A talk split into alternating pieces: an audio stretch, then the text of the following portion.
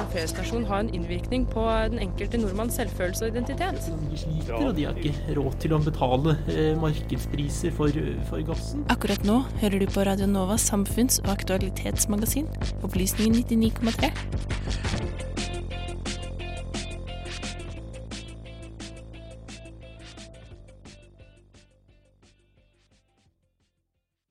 I slutten av januar meldte Framtiden i våre hender at gruven eh, Vale i Brasil brast igjen, slik som i 2015. Dette førte til at mange ble skadet og flere døde. Men samtidig har eh, store norske banker og oljefondet investeringer i denne gruven. Hva skjer, og hvorfor skjer det igjen? Og hva kan vi kanskje gjøre med dette? Eh, I studiet har vi fått med oss eh, Jonas Andøy Holmquist, rådgiver i Framtiden i våre hender, for å eh, finne ut litt mer om dette her. Velkommen til oss. Takk for det.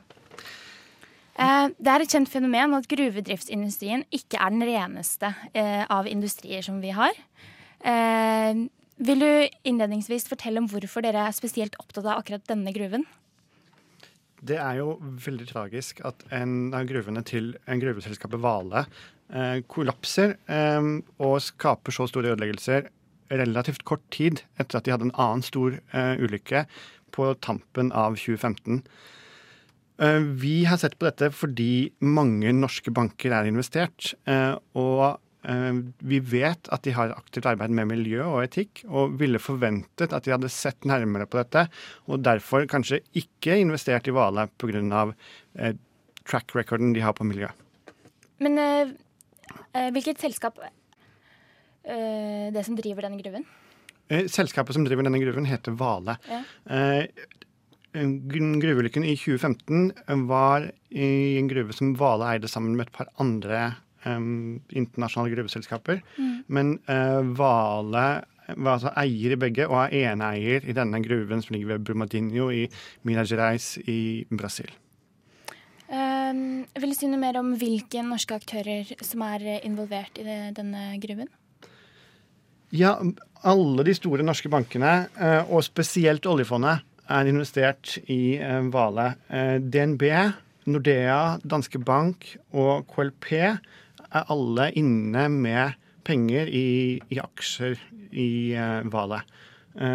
Og oljefondet, gjennom Norges Bank Investment Management, er inne med den aller største posten, 500 millioner norske kroner. Ja, det er store summer. Men Storebrand trakk seg ut, har vi fått vite, i 2015. Hva er årsakene årsaken til at de andre ikke gjør dette? Storebrand eh, satte Vale opp på sin eh, uttrekksliste, eller eksklusjonsliste, i 2015 eh, pga. den forrige ulykken, rett og slett. Eh, men eh, det som skjedde, var jo at de etter eh, en stund tok selskapet inn igjen. Eh, fordi de tenkte at her har selskapet gjort nok forbedringer til at det kan være verdt å investere. Storebrand var ikke investert nå i januar, så de hadde ikke investert, men de hadde ikke lenger Vale på sin eksklusjonsliste.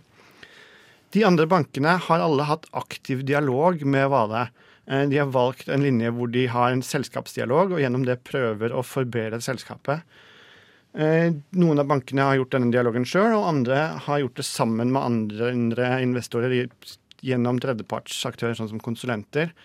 Eh, DNB eh, fortalte oss da vi spurte de om de var investert og hva slags eierskapsarbeid de eventuelt hadde gjort, at de eh, i høst, løpet av høsten 2018 hadde avsluttet eierskapsarbeidet nettopp fordi de var så fornøyd med alle tiltakene Val hadde gjort, forbedringer og rutiner internt de hadde fått på plass. Men hva er det som konkret gjør at det blir potensielt bedre, da? Kan vi tro på dette? Det er jo et spørsmål eh, vi har stilt bankene eh, litt åpent.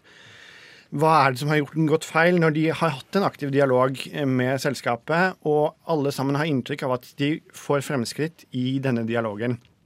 Da kan man jo spørre seg om eh, bankene ikke stiller strenge nok krav, eller om bankene rett og slett får feil informasjon av Vale. At de sitter og forteller om ting som de ikke gjør godt nok. Det er også en del av bakgrunnen her at eh, miljøreguleringene i Brasil eh, er blitt svekket de siste årene. Eh, det kan stilles spørsmål ved om hele instituttet ved eh, kontroll av disse um, avfallsdammene som det er ved gruvene, er godt nok. Eh, vi vet jo at denne dammen som brast nå i januar, var kontrollert mindre enn en uke før den brast. Ja. Jeg vil si noe om eh, de som lever ved, og som har fått erfare liksom hvordan Eller hvordan deres livsvilkår har blitt preget av eh, denne, disse, denne typen form for ulykker. Da. Vil du si noe om hvem disse er? Ja, Framtiden i vår hender har ikke partnere som er lokalt til stede i eh, Brasil og i Minas Gerais. Så det eh, vi vet, baserer seg i stor grad på ting som er rapportert i media. Men vi vet jo at et veldig stort antall, både som jobbet ved gruven, og familiene til de som jobbet ved gruven og andre i lokalsamfunnet, døde. Over 100 stykker, og fortsatt godt over 100 som er savnet. Så det kan være snakk om 200-300 mennesker til sammen som er drept pga. denne ulykken. Uh, og samtidig så vet vi jo at uh, disse gruvene er store arbeidsgivere. Uh, lokalsamfunnet er ganske avhengig av den industrien som er der, og de lønningene og familiene til de som jobber der, er i stor grad avhengig av driften i gruvene. Men vi ser jo også at dette blir kjempestore miljøkatastrofer. De sier ikke primært at det slammet som har rent ut her, er giftig. Men det er klart at, at gruveavfall inneholder veldig ofte tungmetaller og andre ting som setter spor i naturen, og som ødelegger grunnlaget for menneskeliv.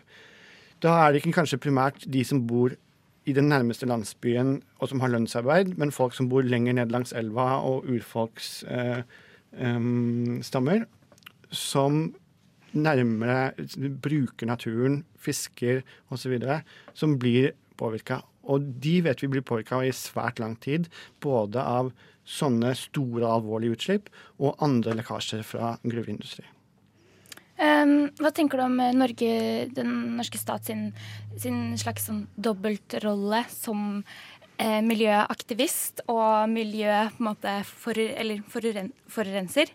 Eh, hvordan, eh, sånn som at f.eks. oljefondet skal ha en sånn type etisk Det har et etisk eh, Det skal være noe etikk inn i bildet da, ved investeringer, samtidig som man er med på å gjøre sånne ting som Eller at dette kan også forekomme på samme tid.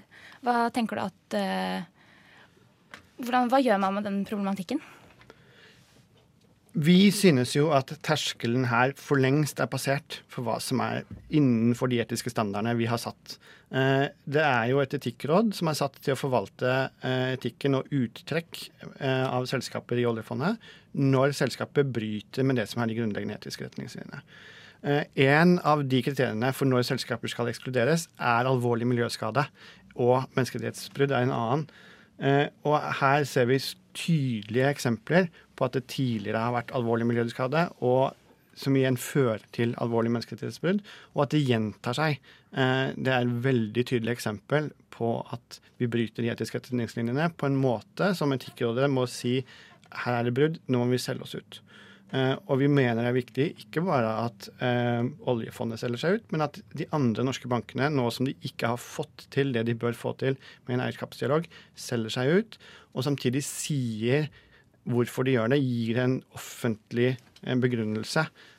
vi mener at det kan bidra til å påvirke andre investorer og påvirke selskapet når man får en sånn offentlig begrunnelse.